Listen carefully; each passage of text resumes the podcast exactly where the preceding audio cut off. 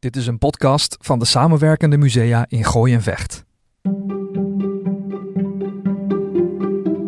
In de serie Gooise Grensverleggers vertellen we verhalen over wereldverbeteraars, vrijdenkers, kunstenaars en uitvinders die in het Gooi hebben gewoond, gewerkt of geëxperimenteerd. Mijn naam is Caspar Stalenhoef en in elke aflevering spreek ik met experts van Gooise musea of erfgoedinstellingen over deze grensverleggers. Kleurrijke personen die in de Gooi- en Vechtstreek de ruimte vonden voor hun eigenzinnige ideeën of vernieuwingen. We gaan op zoek naar de sporen die ze hebben nagelaten en van invloed zijn geweest op de regio, op Nederland of zelfs wereldwijd.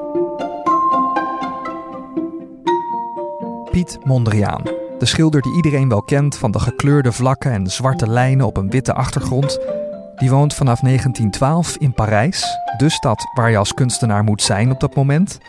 Maar als hij twee jaar later weer even terugkomt naar Nederland voor zijn zieke vader, breekt de Eerste Wereldoorlog uit en zit hij vast. Vijf jaar lang woont en werkt hij in het Gooi, in Laren en Blaricum, waar hij zoveel geestverwanten ontmoet, zoals bijvoorbeeld Bart van der Lek, dat hij echt een doorbraak maakt in de manier waarop hij voortaan wil gaan schilderen. Deze aflevering gaat over de enorme invloed op kunst en design die het werk van Mondriaan nog altijd heeft, waarvan de basis is gelegd in een eenvoudig schuurtje ergens tussen Laren en Blaricum.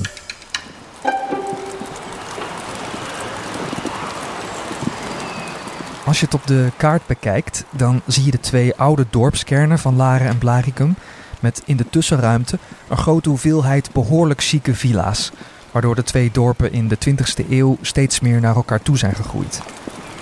Een eeuw geleden waren die villa's er nog niet. Rond 1900 was het nog vrije natuur en boerenland, maar de interesse van stedelingen was toen al wel gewekt.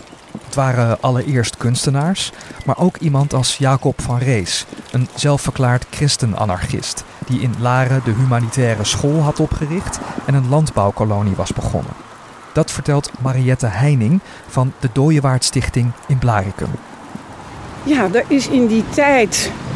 Uh, en Blaricum waren arme boerendorpen en die werden uh, ontdekt door kunstenaars uh, al aan het eind van de 19e eeuw. En er ontstond een soort belangstelling van, nou ja, terug naar de natuur en, en, en allerlei mensen met, met eigen levensfilosofie en zo. Ze wilden het allemaal anders gaan doen.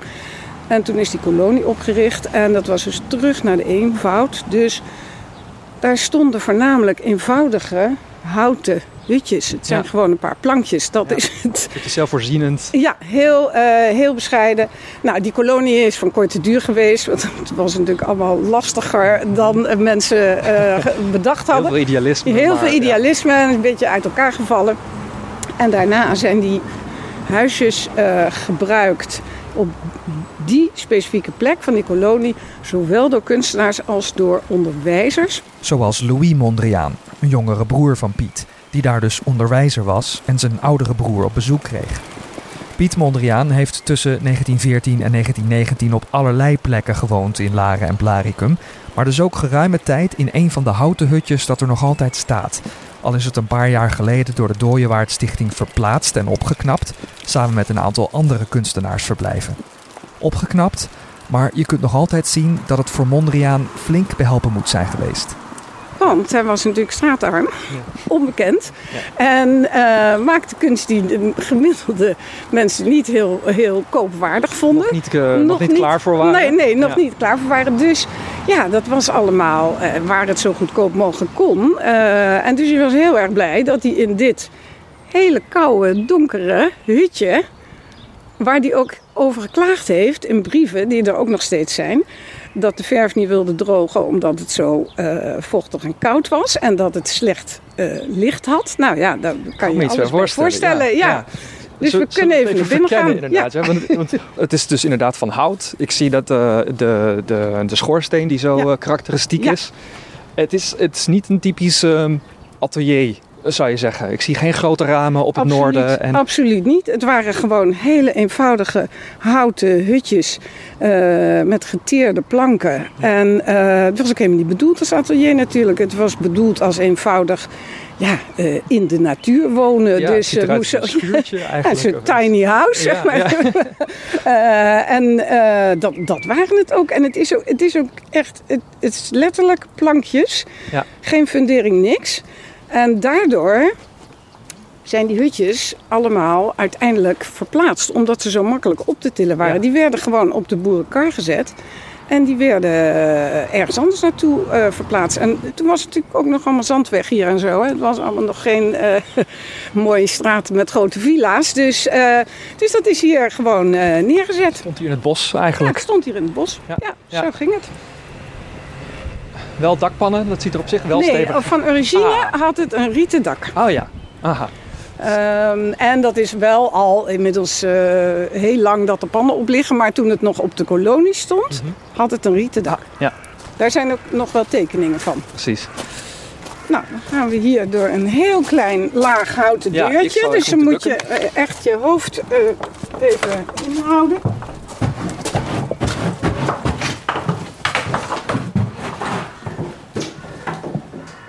Zo, het is hier in ieder geval nu iets warmer. Dat was het eh, in Mondriaans tijd eh, denk ik niet. Hoewel die wel een potkacheltje had. Die staat er. Die staat er. Nou denk ik niet dat dat het originele potkacheltje is. Maar er staat een potkacheltje. Daar zal hij dan gestaan hebben. Ehm, en wat er anders was van origine is dat dit raam er nog niet was. Eh, dat is later gekomen, toen het, eh, waarschijnlijk toen het hier op het terrein is gekomen. Maar de originele hut had dat raam niet. Dus het was nog donkerder ja, nog dan donker, dat het... nog minder geschikt als het atelier is echt eigenlijk. heel erg donker. En, ehm, maar verder is er hier eigenlijk niks veranderd. Materieel was het dan afzien voor Mondriaan, maar sociaal gezien kon hij het hier niet beter treffen. Want christen-anarchist Van Rees was lang niet de enige markante persoonlijkheid die hier was neergestreken. Mondriaan woonde om de hoek van de kunstverzamelaar Sal Slijper, filosoof Mathieu Schoenmakers, componist Jacob van Domselaar, actrice Catharina Hannaert en vooral kunstenaar Bart van der Lek. Met Mondriaan een van de grondleggers van De Stijl, de groep en het tijdschrift die ook in deze jaren werden opgericht. Zij woonden allemaal hier op loopafstand vandaan. Dus dat is natuurlijk wel bijzonder dat dan niet alleen ze hier in deze simpele omstandigheden ze aan het werk gingen, maar ze vonden dan dus in elkaar de inspiratie. En Heel de, erg. Heel veel toch eh, ook, ook kunstenaars uit, op, op andere terreinen. Ik, ik- je krijgt altijd de indruk uit verhalen dat ze elkaar allemaal kenden van het kroegje van Jan Hamdorf in Laren. Dat, ze, dat was de verzamelplek. Eh, maar ja, ze, ze kenden elkaar allemaal wel en, en zagen elkaars werk en eh, filosofeerden daarover. En de, he- hebben ongetwijfeld elkaar eh, beïnvloed allemaal. Ja. En dat heeft er dan voor gezorgd dat, die, dat de, althans Mondriaan hier dan een soort van doorbraak Ja. had. Absoluut. In die richting die hij, waarmee we hem zeg maar kennen. Als je denkt aan een Mondriaan, dat, Ja. dat die, die, die route daar naartoe eh, voor een belangrijk deel hier en zelfs in dit huisje. Ja, in dit eh, huisje. heeft gedaan. Dat Maar- heeft hij in dit donkere huisje gedaan. Ja, Ja, onvoorstelbaar eigenlijk ja als het je is onvoorstelbaar. Het is onvoorstelbaar. Dus eh, als kunstenaars eh, klagen over... oh, ik heb niet gebrek,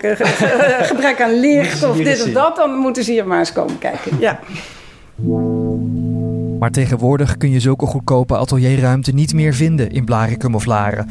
Al zijn er dus wel een aantal bewaard gebleven door toedoen van Jacob en Willem Dooyewaard, twee Blaricumse broers die ook allebei kunstenaar waren. Die hebben bij leven al besloten van... het gaat de foute kant op hier. Alles wordt veel te duur. Het wordt voor kunstenaars steeds moeilijker... om in deze omgeving eh, te kunnen verblijven.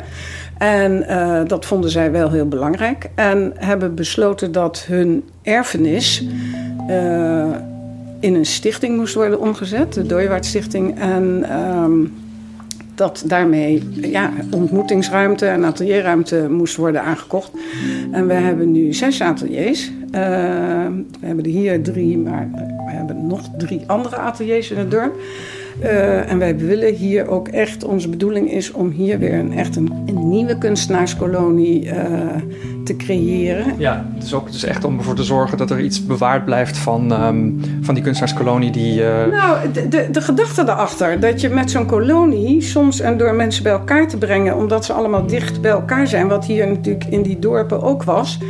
Die mensen woonden allemaal zo'n Van der Lek en Mondriaan, die woonden geloof ik 400 meter van elkaar af. Precies. Eh, dat door kunstenaars bij elkaar te zetten, ja, als je geluk hebt, geeft dat, creëert dat nieuwe, nieuwe kunst weer. Ja, zo'n kruisbestuiving, ze beïnvloeden elkaar. En, ja, en die, wij willen die mogelijkheid bieden. Ja, of het dan gebeurt, dat uh, is afwachten. Maar wij willen die mogelijkheid bieden. Ja, ja en die erfenis van uh, Mondriaan en Van der Lek, die...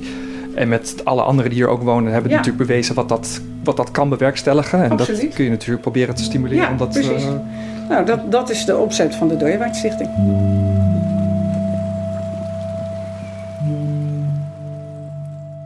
Maar hoe kan het eigenlijk dat deze van oorsprong boerendorpen, met ruimte voor arme kunstenaars en vrijdenkers, nu alleen nog maar betaalbaar zijn voor de rich en famous?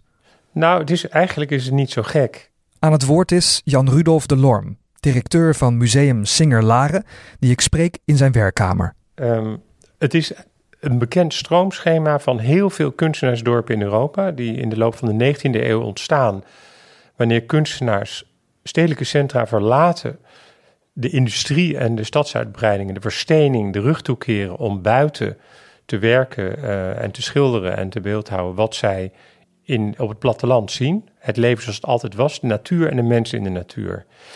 En dan zie je in, in heel veel van dat soort dorpen, uh, in vele landen, dat er op een gegeven moment eerst ontdekken die kunstenaars een oud boerendorpje of een vissersdorpje. Hmm. Dan wordt dat door die kunstenaars bekend. Dan komen er meer mensen naartoe, willen zich daar vestigen. Dan komt er vaak een, uh, een openbaar vervoer naartoe. Bijvoorbeeld hier in Laren, in 1881, wordt er een, uh, een stoomtramverbinding tussen Amsterdam en Hilversum langs Laren gemaakt. Ja. En dan komen de uh, fabrikanten, de intellectuelen. En dan gaat het zo door. En uiteindelijk de showbiz en de nieuwe rijken. En dan, dan heb je Laren. En vroeg in dat stroomschema van Laren komt Mondriaan terecht. In 1914, wanneer de Eerste Wereldoorlog is uitgebroken. En wanneer hij dus in, uh, in de zomer van 1914 uh, klem komt te zitten in Nederland, dan uh, gaat hij eerst, ja, wat moet hij doen? Hij heeft weinig geld. Nou, hij gaat eerst bij zijn broers logeren in Amsterdam. Dan gaat hij naar Domburg, Elau Drabbe, een vriend van hem. In Zeeland. In Zeeland. Wat overigens ook een kunstenaarskolonie was, maar dan een zomerkolonie. Mhm. Het Zeeuwse Licht, daar kwamen ja. mensen als Theo van Rijsselbergen, Torop. Dat was ook een hele groep kunstenaars die zich daar in de zomer uh, uh, verzamelden, elkaar daar ontmoeten, waaronder dus ook Mondriaan. En daarna gaat hij in de loop van 1914, begin 15, gaat hij naar Laren. En dan in januari gaat hij wonen in Pension de Linde. Uh, aan de Oude Naardenweg hier in Laren. En dat, ging, dat kwam via een mevrouw, een Amsterdamse zangeres. Ja, het is wel een heel mooi verhaal hoor. Catharina Hannaert. Die drijft dat pension de Linde in, uh, in Laren. Mhm. En zij hoort bij de Theosofische Kring in Amsterdam. Ja. Dat was een soort, een soort semi-religieus uh, genootschap. Gesticht door een Russin. Blavatsky, die dat vanuit New York allemaal bestierde. En er was een hele groep intellectuelen in, uh, in Nederland, waaronder mijn grootouders, daarom weet ik het heel goed, Aha. die in Den Haag ook in de kunstscene zich bewogen, die zich aansluiten bij die theosofische kring. Ja, dat is best wel in in die tijd, hè, krijg Ja. ik het idee. En Mondriaan in Amsterdam had er ook al eh, kennis mee gemaakt. Ja, en Die dat was had daar iets mee. Precies, en die, en die, die, die voelt zich daartoe aangetrokken. Die mensen raakten bevriend. En dus via deze mevrouw Hannaert, die in, uh, in, in Laren dat pension runde, is hij naar Laren gegaan. En daar is hij eigenlijk, dat was de eerste plek in Laren waar hij zat. En um, die theosofie, dat, dat zie je ook in, uh, in verschillende werken van Mondriaan uit die tijd. Het is best wel moeilijk om uit te leggen wat daar natuurlijk precies allemaal werd gezegd door die uh, theosofen. Het is natuurlijk best wel een ingewikkeld gedachtesysteem volgens mij, Ja. dat ze daar helemaal op, op gingen tuigen. Maar Mondriaan ziet er wel degelijk aanwijzingen in, of het helpt hem in ieder geval om te zoeken naar die abstractie. Hè? Hij, hij, wil, hij wil verder weg van gewoon de natuur naschilderen, van eh, een boom, naar, de, naar het idee van een boom. Of naar, naar iets wat achter, die, achter alle bomen schuil gaat. Iets wat, wat blijft of Dat, zo. is, dat, is Plato, de ideeboom. de ideeboom. Misschien dat maar dat, daar, daar zit wel iets, dat doen die theosofen ook iets mee. Zij Ja. zoeken ook naar wat, wat zit er in de natuur, wat voor een mechanisme of wat, wat zit er allemaal achter verscholen. En daar is hij naar op zoek. Hij wil dat Ja. op proberen op doek te zetten. Nou, het is wel heel, wel heel leuk. Het is een beetje een gedachtesprongetje. Maar mijn vrouw is psychiater. Wat doet zij? Zij doet onder andere bosbaden. Dus met mensen in de natuur eh, zijn en Ja. daar allerlei oefeningen doen. tot rust in het bos, waar je eh, zeg maar de, nou ja, de, de, de, het evenwicht binnen de natuur. En Ja. dan, en dit is even een, want het is dus leuk dat het, Het nog steeds aan. in Ja, de lucht zit ja. en werkt. Dus we hebben ook gewoon allemaal ontzettende behoefte om in de natuur te zijn. Maar ik heb er nog wat over opgezocht, over wat eh Mondriaan dus zegt over, dat, over die theosofie. En hij zegt, eh, die, hij noemt dat de geheime leer van Blavatsky, van die Mhm. mevrouw Blavatsky. En hij zegt dat hij streeft naar destructie ehm, tot het minimale. Dat wil zeggen dat de, de, de, aanvliegroute was natuurlijk het weergeven van de zichtbare werkelijkheid. Zo is het in de kunst altijd gegaan. Hè? Ja. Het zo precies mogelijk Naschilderen. weergeven, het naschilderen. Er was natuurlijk geen fotografie. Inmiddels is er wel fotografie. Cézanne, de Franse schilder, die is een van de eerste die begint met de werkelijkheid zeg maar, te reduceren. Althans, zo, gaat, zo wordt het in de kunstgeschiedenis gezegd. En eh, ongeveer twintig jaar later komt Mondriaan.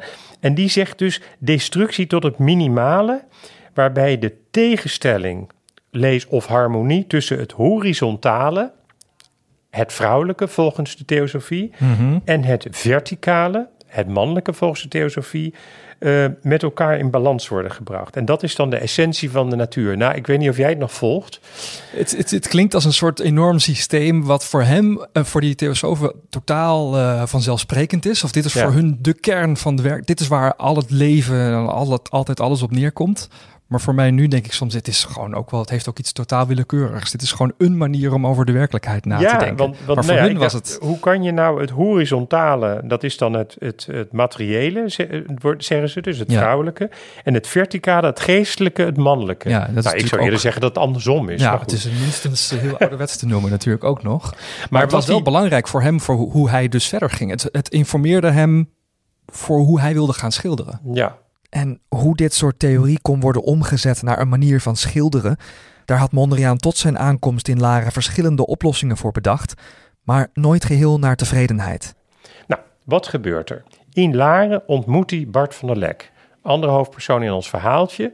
Bart van der Lek had een hele andere route. Hij is begonnen als glazenier. Hij heeft een opleiding gevolgd in Utrecht eerst glazenier, dus het designen, het ontwerpen van glas en lood. Dan doet hij de kunstnijverheidsschool in Amsterdam, in Amsterdam. En vanuit die designopleiding, zou je kunnen zeggen, komt hij, we slaan nou even wat, eh, wat jaren over, ja, ja, hm. komt hij in Laren terecht. In 1916 om precies te zijn. Mhm. Op een steenworp afstand van waar, eh, waar Mondriaan dan woont. Die kennen Ja. elkaar nog nauwelijks. Ze Mhm. hebben één overeenkomst, namelijk dat ze allebei betaald worden door een meneer die heet H.P. Bremmer. En dat was de kunstadviseur van Helene Kruller-Müller, een van de grootste verzamelaars in Nederland op dat moment van moderne of hedendaagse kunst. Zij is de stichtster van Museum Kruller-Müller. Ja. En beide kunstenaars die worden betaald door Bremmer, hebben een maandelijks toelage om werk te leveren. Daar konden ze van leven.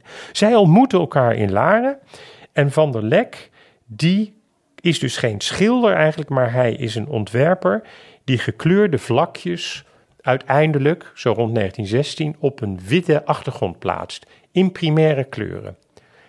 Ook hij is daar via een ontwikkeling gekomen. En die twee, die twee kunstenaars die hebben heel veel contact met elkaar, zitten daar in, dat, in die bubbel in Laren. En Mondriaan ziet dus dat Van der Lek in die primaire kleuren werkt en die in blokjes valt tegen een wit fond, tegen een witte achtergrond. En dat neemt Mondriaan van Van der Lek over. Ja, die kleuren, ook als je nu een Van der Lek ziet, denk je, oh, dat, is dat de Mondriaan? Maar Van der Lek deed het eerder dan Mondriaan. Hij deed het iets eerder en het is een beetje, ik bedoel, ik ga daar niet aan wagen van ja, wie was eerder en wie heeft wat en wie is beter. Maar wat ik zo leuk vind is dat Mondriaan een schilder is in hart en nieren en Van der Lek een, eh, een ontwerper in hart en nieren. Ehm, samen hebben ze dus hebben ze hier opgetrokken en hebben ze beide hun, hun, hun oeuvre ontwikkeld. Je ziet bij Mondriaan een ontwikkeling die uiteindelijk in 1917, 18 toewerkt naar wat we kennen van Mondriaan, namelijk een, een, een doek wat is opgebouwd uit een raster van lijnen. En in die, in die vierkanten, die, die rechthoeken die daar ontstaan, plaatst die gekleurde vlakjes. Ja. Nou, een gruwel voor Van der Lek. Want, en het ging echt, dit was echt een strijd op de vierkante millimeter. Hè? Want Van Lek zei, nee, je moet die blokjes moeten vrij in de ruimte zweven. En Mondriaan, nou, ik wil geen contact meer met jou hebben dan 1918. Want jij bent een verraaier, want jij bent niet abstract. Want als een, als een, vlakje, als een vlakje in de ruimte zweeft, dan is het een ruimte. En een ruimte verwijst naar de zichtbare werkelijkheid. Ja, ik weet niet of de mensen die dit horen dit kunnen volgen, maar zo ongelooflijk principieel was het. Mondriaan wilde niets meer met de zichtbare werkelijkheid in zijn werk van doen hebben. En dat kon Van der Lek eigenlijk niet zoveel schelen. Ja. Die zocht gewoon naar het meest mooie beeld. Sterker nog, hij gaat ook een beetje onder invloed van zijn opdrachtgever, die voor Helene Keuler-Müller werkt. Die gaat op een gegeven moment weer, nadat hij totaal abstract is geweest, gaat hij weer met vlakjes herkenbare vormen opbouwen. En dan moet je je weer even bedenken dat deze strijd op de vierkante millimeter werd uitgevochten op schildersezels in eenvoudige hutjes in de boerendorpen Laren en Blaricum, waar ze in de tussentijd ook nog met Theo van Doesburg en een aantal andere gelijkgestemden een groep met een tijdschrift hadden opgericht, De Stijl. Waarbij dus jarenlang schrijven, zoeken, Nadenken, contacten, elkaar, praten ja. met, met Van Doesburg aan vooraf is gegaan. En ze dan vinden, en nu moet het uitgaan. En dat was iets, zo'n manifest, wat je bijvoorbeeld ook hebt bij eh, andere kunstenaarsgroeperingen, zoals Brücke, die in Dresden en Berlijn is ontstaan aan het begin van de 20e eeuw. Eh, maar je bijvoorbeeld het futurisme had een manifest. Ja. Ook het, eh, eh, de Bergense school, het eerste, eerste expressionisme in Nederland, eh, had een manifest. Dus daarmee zeggen ze eigenlijk: jongens, opgelet.